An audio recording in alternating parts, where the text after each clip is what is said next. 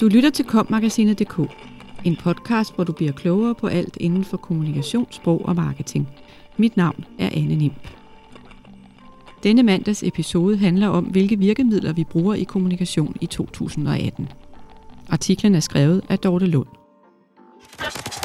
Virkelige virkemidler virker.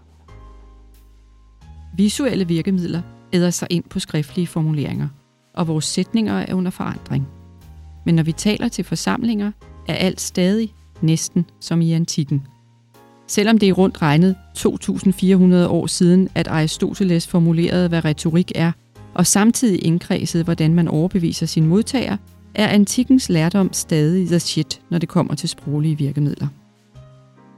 I hvert fald, når man spørger Jens L. Jacobsen, der er rådgivende retoriker i virksomheden Retor, som har specialiseret sig i at levere rådgivning, kurser og personlig træning i taler og gennemslagskraft.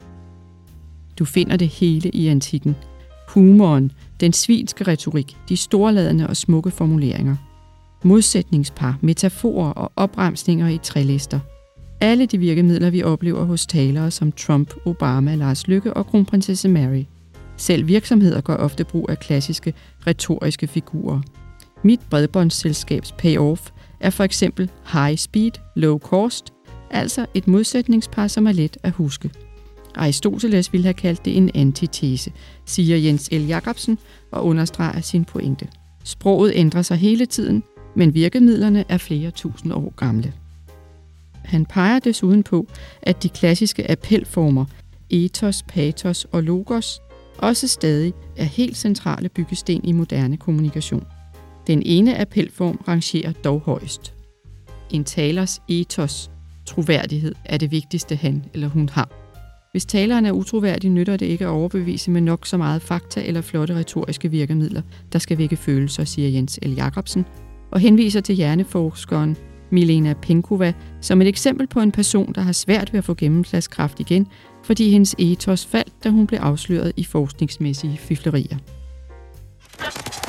Moderne virkemidler. Tre eksempler. Den mundtlige tradition, der går helt tilbage til før vores tidsregning, holder sig dog ikke længere på sin egen banehalvdel. Det siger Tina Tode Hårgaard, der er lektor på afdeling for nordiske studier og afdeling for retorik på Aarhus Universitet. Hun har forsket i, hvordan vi kommunikerer på sociale medier og bruger emojis. Til daglig underviser hun studerende i interaktion og samtaleanalyse og i sprog og retorik på sociale medier. Vi griber i udstrakt grad de mundtlige virkemidler, når vi kommunikerer digitalt, siger Tone Tode Hovgaard og opsummerer de tre stærkeste tendenser. For det første er vi meget orienteret mod interaktion. Det er ikke mange år siden, at der kun var én vært i radioen. Nu har selv P1 to morgenværter, der sluder med hinanden. Samtalekulturen vinder med andre ord ind, fordi det virker personligt og autentisk. Det har også slået igennem i måden, vi skriftligt kommunikerer på. Også i skriftsprog henvender vi os direkte til modtagerne med pronomenerne du og i og laver inkluderende konstruktioner ved at bruge vi, som også omfatter modtageren. Vi kan godt lide, at der er en afsender, som vi kan identificere os med, og at afsenderen taler til os som individ, som mange bloggere for eksempel er rigtig gode til, blandt andet ved at stille direkte spørgsmål til følgerne. Når vi skriver digitalt, skriver vi ind i et nu, hvor vi godt ved, at modtageren er videre om meget kort tid. Derfor skriver vi kortere, mere situationsbestemt og i sproglige ellipser, hvor vi udlader os selv som subjekt. For eksempel når vi skriver, har lige set en fantastisk film. At skrive kort er helt klart et udbredt sprogligt virkemiddel. Brugen af visuelle elementer er den tredje og mest dominerende tendens. Tekstblokke er kun for virkelig dedikerede læsere, vurderer lektoren for Aarhus Universitet, og nævner, at når politikere for en stund giver slip på deres seriøse budskaber og optræder på Snapchat med animerede kaninører, er det uden tvivl et udtryk for, at de vil tækkes vælgere med sus i swiperfingeren.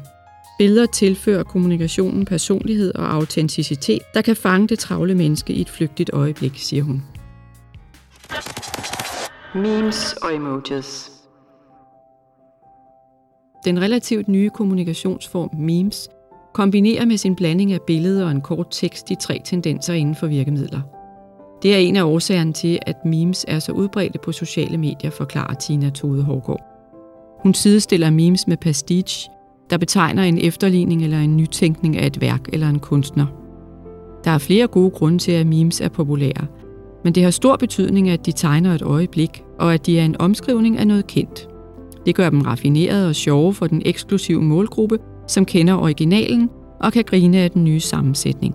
Man kan sige, at memes er en modernisering af den gamle læresætning om, at man skal skrive til sin målgruppe. De, som ikke formår at konstruere den nye betydning mellem billede og tekst eller ikke kender det originale værk, bliver ekskluderet. Tina Tode Hårgaard fremhæver, at ekskluderingen er en del af styrkerne ved memes, fordi det får dem, der forstår, til at føle sig særlige. Hun pointerer, at vi ud over i memes og forkortede sætninger, også henter hjælp til den korte kommunikation via flere andre virkemidler. Emojis er et af dem, som stort set alle med en smartphone har taget til sig. Man kan kalde emojis for et kompenserende sprogligt virkemiddel, som understøtter tendensen om at skrive kortere. De kan spare afsenderen for adskillige ord. Samtidig fungerer de som en form for læseguide for modtageren, der får hjælp af symbolet til at forstå afsenderens intention og attitude. Desuden bliver kommunikationen indbydende, sjov og hyggelig med emojis, og det kan vi godt lide, siger Tina Tode Hårgaard. Det gælder ikke alene de små udtryksfulde ikoner, men også for den kategori af skriftlige virkemidler, som Tina Tode Hårgaard kalder de ekspressive virkemidler, og som også er en tydelig afsmitning fra den mundtlige kommunikation. Udråbsord er en ekspressiv tendens i vores digitale kommunikation. Vi skriver af og ja yeah, og wow. Dermed giver vi os følelsesmæssigt det kende på en kort og appellerende måde, som dels fanger blikket i teksten og dels påkalder sig modtagerens empati. Det samme gælder den udbredte brug af bogstavforlængelser, vi ser i udtryk som lang dag, der også er sanseorienteret og typisk vækker en umiddelbar reaktion hos modtageren, forklarer Tina Tode Hårgaard. Kennedy og Klon En ting er, hvordan vi kommunikerer som privatpersoner. Noget andet er, hvordan offentlige og kommercielle instanser lader sig inspirere af de virkemidler, vi bruger som individer. Jens L. Jacobsen og Tina Tode Hårgaard er enige om, at det er en balancegang, som kan koste lærepenge.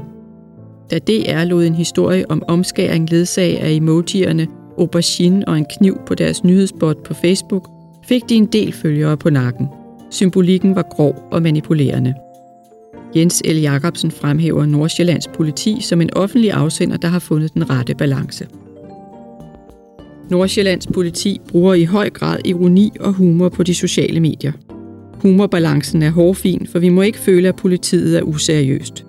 Men passende humor er derimod fremragende til at fange folks interesse og indvirker samtidig positivt på politiets omdømme, siger retorikeren med henvisning til et Facebook-opslag, hvor politiet med tyk ironi efterlyser ejeren af et koben, som vedkommende til syneladende har tabt.